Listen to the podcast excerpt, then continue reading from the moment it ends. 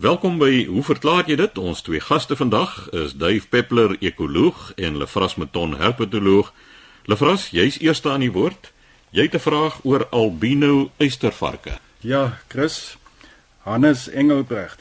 Dit is die persoon wat hierdie brief geskryf het. Nou ek wil sê ek is al dink ons so om by 17 jaar by hierdie program betrokke en oor al die jare kom daar gereeld maar 'n brief van Hannes Engelbrecht van Bloemfontein. Hy is lyk my vir waar iemand wat belangstel in wat om hom aangaan in die natuur. Nou hy sê hy het onlangs in die koerant gelees van 'n spierwit albino eystervark wat in 'n slaghuis beland het en wat toe nou gekry is en dit nou uiteindelik sodanig herstel en die sit dan nou tans by 'n besigtigingssentrum op Oudtshoorn. Lyk my die voorvalle daar in die George omgewing plaasgevind. En nou het die eystervark daar skynbaar het nou maats gemaak met 'n swart eystervark mannetjie. En dit is nou liefde met die eerste oogopslag lyk dit. En nou wil hy weet hoe gaan die kleintjies nou lyk die albino eystervark en 'n gewone swart eystervark. Mense nou sê swart, die die penne is dan nou swart en wit. Hierdie albino eystervark, ja, die die penne is hy wit penne en hy die normale pink oë wat mens maar by al hierdie albino organismes kry. Interessante vraag en vir ons interessant want ons weet albinisme kom ook by die mens algemeen voor en uh, daar's verskillende soorte van albinisme maar ons hou dit maar maar eenvoudig. Dit is 'n toestand wat daar is afwesigheid, dit kan totale afwesigheid of gedeeltelike afwesigheid van pigment, die pigment melanin. En dit is omdat daar 'n probleem is met die ensiem tyrosinase wat 'n rol speel by die vervaardiging van melanin. So as die tyrosinase nie daar is nie, dan is daar al hierdie probleme laat daar nie pigment is nie. Dit is 'n genetiese toestand. Dit is 'n resessiewe toestand en daarmee bedoel is dat die alleel moet van albei die ouers kom om dan nou 'n eh, te voorskyn in die fenotipe te kom. Al is die pa 'n draer en die ma is nie, dan gaan daar nie 'n uh, albino effek wees nie. Baie belangrik, dit kom by alle werveldiere voor. Eindelik verklaar dit nou klaar die vraag as hy nou 'n uh, gewone eystervat die mannetjie by 'n uh, albino eystervat kan sit nee die kans is bitter skraal dat daar albino kleintjies gaan wees. Behalwe as die pa ook daardie alleel het maar die kans is skraal. So dit gaan nie albino kleintjies wees nie. By die mens en dit is waarskynlik ook so by ander werveldiere ja ek het gesê dit kom by alle werveldiere voor hierdie effek is dit dan eintlik twee dinge wat belangrik is by albinisme. Die een is dat visie word baie beïnvloed deur albinisme. Mense sien swak daarom pigment speel 'n baie belangrike rol in die oog. As daardie pigment nie daar is, is daar allerlei probleme met visie. En natuurlik, die tweede ding is die ligte vel, wit hare, so daar's 'n groot probleem met sonlig. Dis nou by die mense, ultraviolet straling. Nou as ons sommer so na die eystervark gaan, eh, ja, visie, hulle is plantvreters en hulle is nagdiere en hulle gebruik mos nou maar reuk meer om hulle kos te vind. So ek dink dit gaan dit is 'n groot probleem by die eystervark nie. Hulle is nagdiere, selfde ook dat ultraviolet bestraling is is is nie werklik 'n probleem in die nag nie. Maar by die mens, ja, al hierdie probleme, die visieprobleme, dit kan gewoonlik reggestel word met rehabilitasie. Te sekere operasietjies kan hulle die visie verbeter, maar dit bly 'n groot probleem. Baie interessant is die effekte, hoe kan ek sê die in die gemeenskappe wat mense dink oor albinistiese individue of albinos en Mens kan dit amper nie glo nie dat tot nou op hierdie huidige oomblik in sekere Afrika state byvoorbeeld is albino mense of hulle liggaamsdele is gesogte muti wat deur toerdokters gebruik word tot so onlangs as 2010 2009 word kinders albino kinders ontvoer daardie liggaamsdele word opgekap en in muti gebruik. 2013 bron sê dat so klein of 'n opgeskote kind kan tot 75000 dollar sal behaal word vir al die liggaamsdele. Dit is vandag, dit is nie nie die 50 nie, dit is die jaar 2013. Dan is daar ook uh, sekere mense glo dat as jy kan seks hê met 'n albino persoon, dan sal dit jou gesond maak van vigs. Dit sal dan nou vigs wegvat. So dit gebeur gereeld dat hierdie mense dan nou verkrag word, die vroulike individue. So, dit is 'n groot probleem. As mens dan nou na diere gaan, albino diere, daar is natuurlik 'n hele ander dimensie by en dit is die ding van predasie.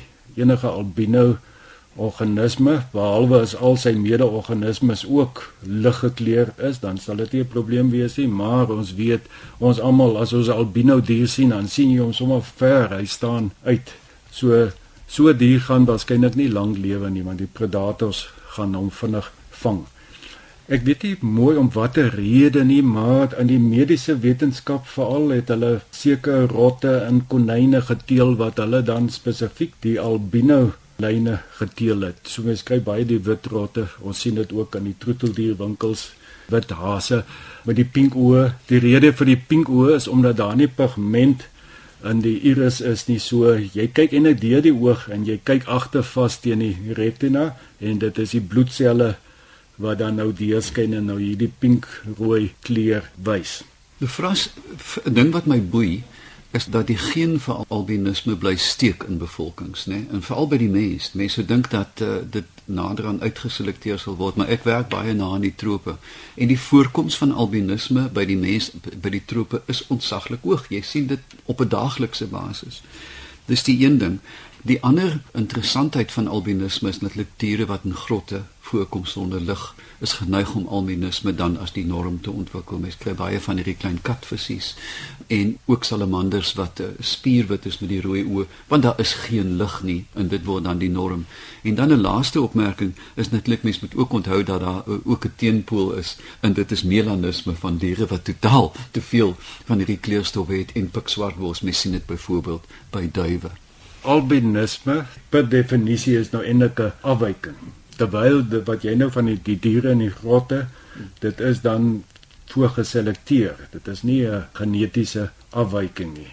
Mens kry by baie diere, jy het nou genoem duwe, daar's ook ander van die reptiele wat gedeeltelike albinisme kan vertoon. Met ander woorde net 'n sekere deel van die lyf is dan albinisties en die res van die liggaam het, het weer die normale pigment. Ja, dit is val volop by duwe. Dat die duif het hierdie pink oë en wit kop, maar dan het hy ander kleure op sy vlerke. So Hannes, 'n interessante brief. Baie dankie daarvoor en ja, ons sluit dan net af deur te sê die kans is uiters skraal dat daardie twee, die albino wyfie en die swart mannetjie, dat hulle albino kleintjies gaan produseer. En so sê Lefras Meton, Dave Peppler, jy gesels oor ligte, maar dis nie enige lig waaroor jy gesels nie. Die eerste ding Chris, mense sê wat op aarde begewe jy jou nou by ligte? Die rasionaal vir my antwoord is die volgende uiteraard die brief, die vraag, maar ook omdat dit gaan om energiegebruik en energiegebruik is direk gekoppel aan die toestand van die aarde vandag as jy mens kyk na onlangs wat in in China aangegaan het dat Beijing vir weke aan een in 'n rookmis gehul was waar mense in hulle dosyne dood is aan longsiektes. En dit het, is gekoppel aan kragverbruik en kragopwekking. So dit is hoekom ek intens belangstel. Die brief klink so. Dit is uh, van Koos Burger van Welgemoed en hy sê dis nie 'n gewone hoe verklaar jy dit onderwerp nie maar hy wil dit tog aanhaal Daar was onlangs 'n bespreking op RSG oor voorstelle vir kragbesparing en twee van hulle is uitgelaat. Hy sê hy het in 'n gastehuis in Duitsland waterverwarmingsapparate in badkamers teëgekom waar die water eenvoudig as jy die kraan oopdraai, die verhittingsstel element laat vloei. Ek het dit al baie gesien, dis 'n klein hulsel om die waterpyp met 'n hoë intensiteit element en soos jy die kraan oopdraai, word hierdie element aangeskakel en jy kry byna onmiddellik kookwater jy maak dus net die water warm wat jy gebruik en nie hoope liters wat weer agterna koud word nie. Daar's ook nie verlies aan die pype wat van ver af moet kom van die watersilinder nie. My vraag is as die geyser in aanhalingstekens in die huis groot verbruiker van krag is en hierdie installasies die vermorsing van krag in hierdie geval kan uitskakel, hoekom sien ons dit nie in huise in Suid-Afrika nie? Goed, Ek wil net sê dit is 'n baie ou mens kry dit in Suid-Afrika en Henk Geertsma is nou nie vandag saam met ons nie, maar hy het in sy badkamer so elementjies jy net oopdraai dan word dit warm gemaak, maar om een of ander rede is dit nie gewild nie. Die is deel van my antwoord is 'n kultuurantwoord. Ek ken die apparaat al van toentertyd. Dit is stokou tegnologie. Daar's niks nie hier aan nie. Maar dan sy tweede deel is die sogenaamde LEDs wat staan vir light emitting diode. Hy sê hy woon in 'n buurt waar heelwat boslapers skuil en misdaad hoog is. Hoekom is ek nou nie verbaas daaroor nie? Ek het buite die huis 10 ligte laat installeer wat aangaan met skemer en weer met ligdag afskakel en dis baie krag gebruik. Ek is nou in die proses om die gloeilampe te vang met LEDs, ligdiodes, maar vind dat dit goed skaars is en uitermate duur tot meer as R300 per lampie teenoor die gewone kragbesparende lampe van omtrent R30. Ons weet dat hulle uiters min krag gebruik omdat dit nie hitte vrystel nie, doodreg. As alle huise in die land LED's sou gebruik, sou Eskom dalk minder probleme hê. My vraag is nou in die geval Is daar sulke apparate beskikbaar in Suid-Afrika? Wat is die redes en hindernisse wat ons verhoed om dit nie as die reël in ons huise te gebruik nie? Goed, kom ons begin met die waterapparaat. Lefras is doodreg, die goed is stokoud. Daar is niks nuut daaraan nie. Ek sien dit as 'n kulturele ding. Ons is net eenvoudig nie gewoond daaraan nie. Met ander woorde, as ons 'n huis bou, dink ons nie daaraan nie. As 'n huis reeds gebou het, moet jy krag aanlê, die hele waterpyp moet verander word ensovoorts. Met ander woorde, omdat ons dit nie gewoond is nie en omdat ons krag nog altyd so ongelooflik goedkoop was, was dit eintlik nooit 'n oorweging nie. Mevrous. Dave, ek dink nou net ek wonder of dit ook nie 'n estetiese probleem is nie, want dit help nou nie jy gaan sit daardie element daarbo in die solder nie. Hy moet hier by die kraan wees en dit is soos die een wat ek nou by Henk gesien het. Dis nie 'n 5 sent dingetjie, dis is, is iets wat jy kan sien en ek dink dit mag dalk esteties nie so mooi wees nie. Lefras, die hele ding van die estetika van tegnologie is my nogals interessant. Mense skree teen hemele oor windlaaiers teen die horison. Ek dink hulle is baie mooi byvoorbeeld. Ek dink hulle is uiters mooi want dit sê vir my hier is 'n poging om krag te bespaar om volhoubaar te wees. Ek dink ons moet ons hele sin van estese dan aanpas en sê ek sal met hierdie gruweltjie lewe want dit bespaar my R400 die jaar. En dan as mens dink aan die gasverhitters, hulle is tog hierdie groot monstertjies wat daar in die badkamer of in die kombuis sit. So ek dink nie dit kan dit wees nie, die estetiese aspek nie. Ek twyfel. Daar is argitektoniese bewegings, eh, die Franse noem dit beton brie, brutale beton wat juis die tegnologie verheerlik en niks wegsteek nie. Nou ja, jy gaan nou nie die soort van blommetjie VLV huis daarby wil betrek nie, maar daar is mense wat daarvan hou. Ek persoonlik hou baie daarvan. Ek wil 'n pyp sien. Die ding se naam is pyp. Hoekom om toepluister as hy daar? Ek vind dit maak net vir my sin om hierdie goed te kan sien en sê dis waarvoor ek 'n leefstyl waarvoor ek staan. So dit gaan oor kultuur en estesie, jy's doodreg. Nou, wat lekker is van hierdie apparaatjies is dat hy wag vir jou. Hy staan die hele tyd aan nie, en net net as jy hom nodig het, skakel hy oombliklik aan. Hy het 'n oombliklike reaksietyd, is regtig vinnig. Die oomblik as die water vloei. En natuurlik, dit skakel die hele afstand van die silinder af uit. In ou huise sit die ou tyd se geyser bo kan die badkamer en jou tweede badkamer is 60 meter daarvan en hierdie hele spulpype moet verhit word. Nog 'n voordeel is dat jy kan dit waarskynlik stel hoe die temperatuur moet wees en dis het jy net een kraan nodig. Jy neem die woorde uit my mond want dit is die aanpassing wat 'n mens sou maak indien jy nie so 'n apparaat het nie. Wat doen ek? Ek pas my temperatuur van my groot verhitting 2 maal 'n jaar aan. Ek het 'n somertemperatuur en 'n wintertemperatuur en daarbey stort ek met een kraan.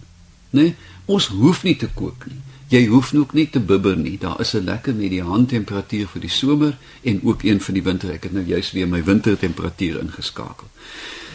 Dan kan 'n mens dink aan sonverter wat water uiteraard vooraf dan 'n bietjie warm maak. Dit hoef dit nie kookwater te maak nie.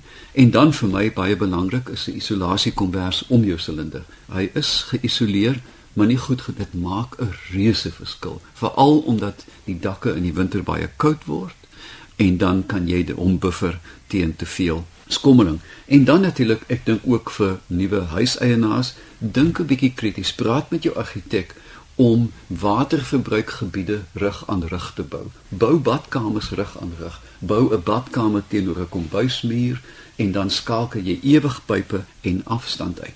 Maar ja, dit is nou vir die klein apparaatjie. Nou loop ek versigtig op dun ys want ek gaan nou oor hierdie diodes praat. Die light emitting diode is 'n elektriese komponent met twee terminale wat fotone loslaat as krag in een rigting loop. Die lig word dan vrygelaat in 'n baie breë of in 'n nou band en dit kan beheer word deur die samestelling van die metale wat gebruik word en ook die konstruksie van die diode.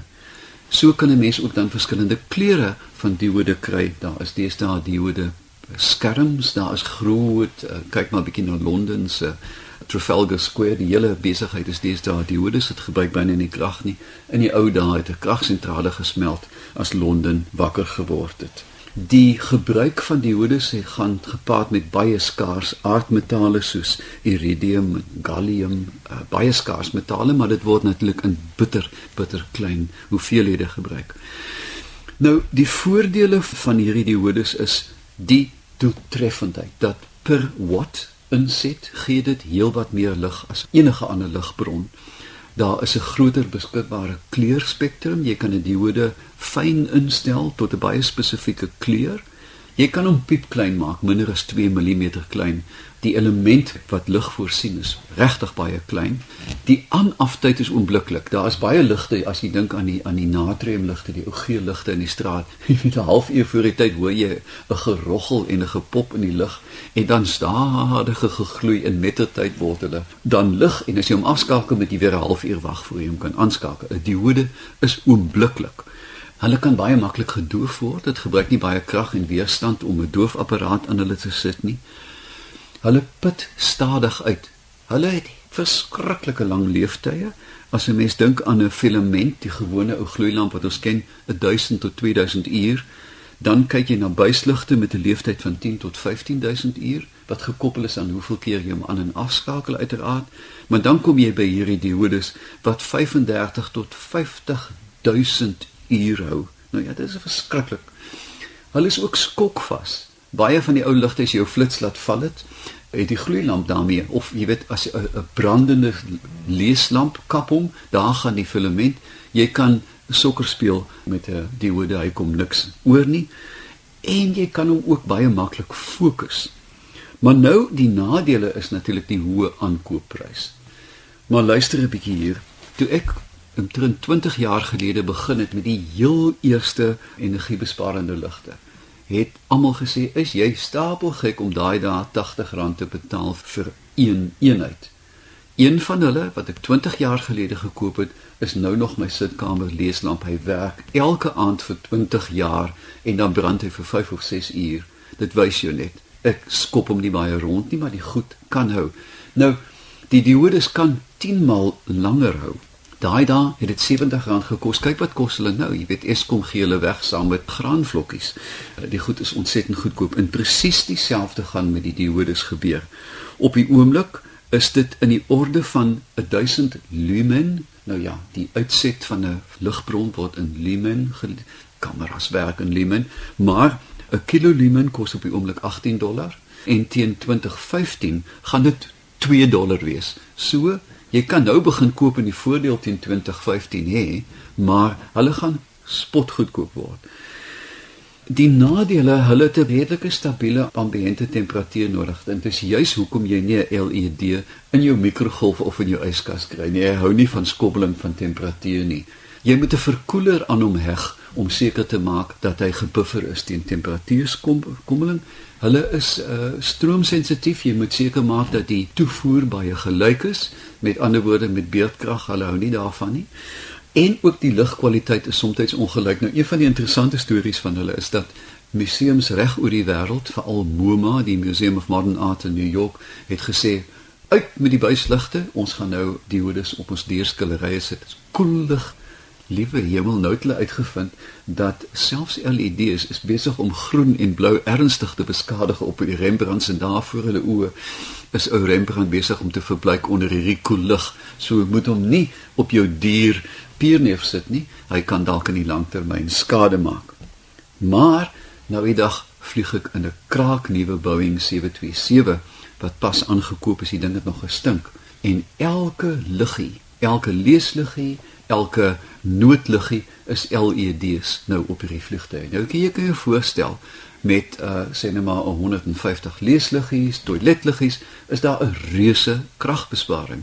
Dit beteken in die langtermyn ook brandstofbesparing en dit beteken in die langtermyn skoner lig en dit is hoekom gloeilampe belangrik is vir die omgewing.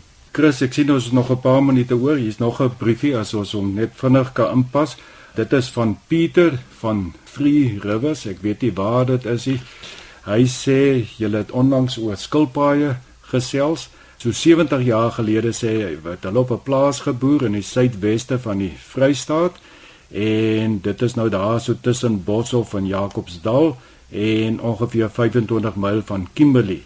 En as kinders het hulle baie daar in die kliprandjie ingegaan en daar was hierdie klein skilpaadjies gewees. En die mense sê nou die kleinste skilpad kom hier langs die Weskus voor van Suid-Afrika, maar hy glo dat hierdie skilpaadjie daar in hulle omgewing was baie kleiner. Nou hy gee hierso mates van die skilpaadjie, maar wat vir my interessant is, hy sê die kleintjies was ongeveer die grootte van 'n huidige 10 sent stuk wanneer hulle rondgeloop het. Nou 'n 10 sent stuk is baie baie klein. Maar in elk geval Ek het so 'n bietjie nou gaan kyk. Ek ek weet sommer dadelik ek het dadelik geweet hy praat nou van een van die padloper skilpaadjies wat in Suid-Afrika voorkom. Daar's 5 spesies, een van hulle in die suide van Namibië, die ander 4 in Suid-Afrika. Hulle is almal klein skilpaadjies en die een wat daar in die Kimberley Suid-Vrystaat, daai omgewing voorkom, is die Karoo padloper. Hulle noem hom ook die groot padloper. Dit is nou slegte nuus vir Pieter, maar hy is nog altyd klein. Die kleintjies is so 25 tot 30 mm by geboorte. Nou dit is meer na R5 muntstuk. So dan nie heeltemal 'n 10 cm. Dit is klink amper meer 'n bosluis grootte. Maar in elk geval, dit is een van hierdie klipskilpaadjies, die groot skilpaads volwassenes is so van 100 tot 130 mm in lengte, met ander woorde 10 cm tot 13 cm. Dit is baie klein. Dit is nou die groot padloper, die Karoo padloper. Nou hierdie kleinste skilpaadjie in Suid-Afrika, dit is die gespikkelde padloper wat wel teen die Weskus voorkom en Hy is nie net die kleinste in Suid-Afrika nie, dit is die kleinste landskilpad in die hele wêreld wat in Suid-Afrika voorkom. Nou die volwassenes so 90 mm is die die maksimum. Wyfie so bietjie groter, 96, maar in elk geval onder 10 cm. Dit is die kleinste landskilpaadjies. So Pieter dink dalk dat hierdie is 'n onbeskryfde ding. Klipskilpaadjies is nie volop nie en hy sê toe hy na weet jy hoeveel jaar weer teruggaan daarna toe, toe kon hulle nie kry nie. Nou ons weet dat hierdie skilpaadjies gedurende die winter dan hiberneer hulle, hulle kruip in klipskeure weg of as dit baie droog is, gaan jy hulle ook nie kry nie. Dit beteken nie dat hulle uitgesterf het daar nie. Ek dink hy hoef bekommerd te wees. Hulle is maar nog daar dat hulle is maar net die, die hele jaar aktief nie. So ja, definitief een van die klipskilpaadjies en as dit nou hierdie Karoo klipskilpad is, hy is nie die kleinste nie. Daardie ene daar teen die Weskus is kleiner. Baie dankie vir die brief Pieter. En daar is die tyd weer verstreke. Ons sê dankie aan Lefras Meton en Dave Peppler. Stuur gerus vir ons vrae by hoe verklaar jy dit posbus 2551 Kaapstad 8000 of rig dit aan chris@rsg.co.za